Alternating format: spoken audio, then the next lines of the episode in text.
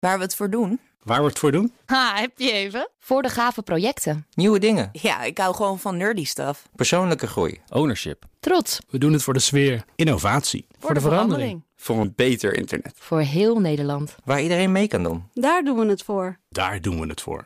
Waar doe jij het voor? Kom werken voor KPN en groei op jouw manier. Check de actuele vacatures op het gebied van data, security, development en networking op jobs.kpn.com/tech. Ik ben Carlijn Meinders. Dit is Wetenschap vanavond. Een minuutje wetenschap voorbij het tandenpoetsen. Computerwetenschappers hebben samen met historici en muziekwetenschappers geprobeerd om de onafgemaakte tiende symfonie van Beethoven alsnog te schrijven.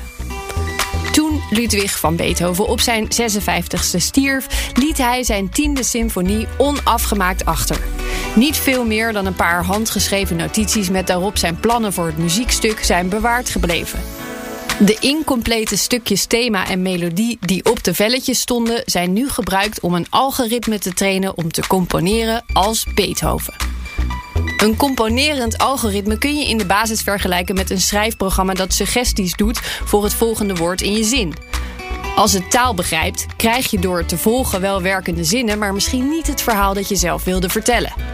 In dit geval moest het te schrijven muziekstuk niet alleen muziektechnisch kloppen, het moest ook een hele specifieke stijl en een specifiek thema volgen. Om dat voor elkaar te krijgen moest het algoritme zo'n beetje een volledige muziekopleiding volgen. Daarna lieten ze het luisteren naar muziek uit de tijd van een jonge Beethoven en vervolgens trainden ze het met de muziek van Beethoven zelf. Na een paar jaar lukte het ze om een stuk te schrijven en dat te orchestreren. In oktober werd het opgevoerd in Bonn, Duitsland.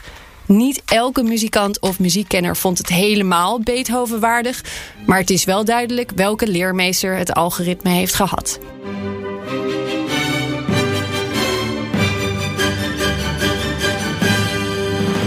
Is één minuutje wetenschap niet genoeg en wil je elke dag een wetenschapsnieuwtje? Abonneer je dan op Wetenschap vandaag. Ook Hugo Reitsma vind je in de BNR-app. Superhandig die BNR-app. Je kunt alle programma's live luisteren, breaking nieuwsmeldingen. Je blijft op de hoogte van het laatste zakelijke nieuws. En je vindt er alle BNR-podcasts, waaronder natuurlijk de belangrijkste, Boeken zijn in de wijk.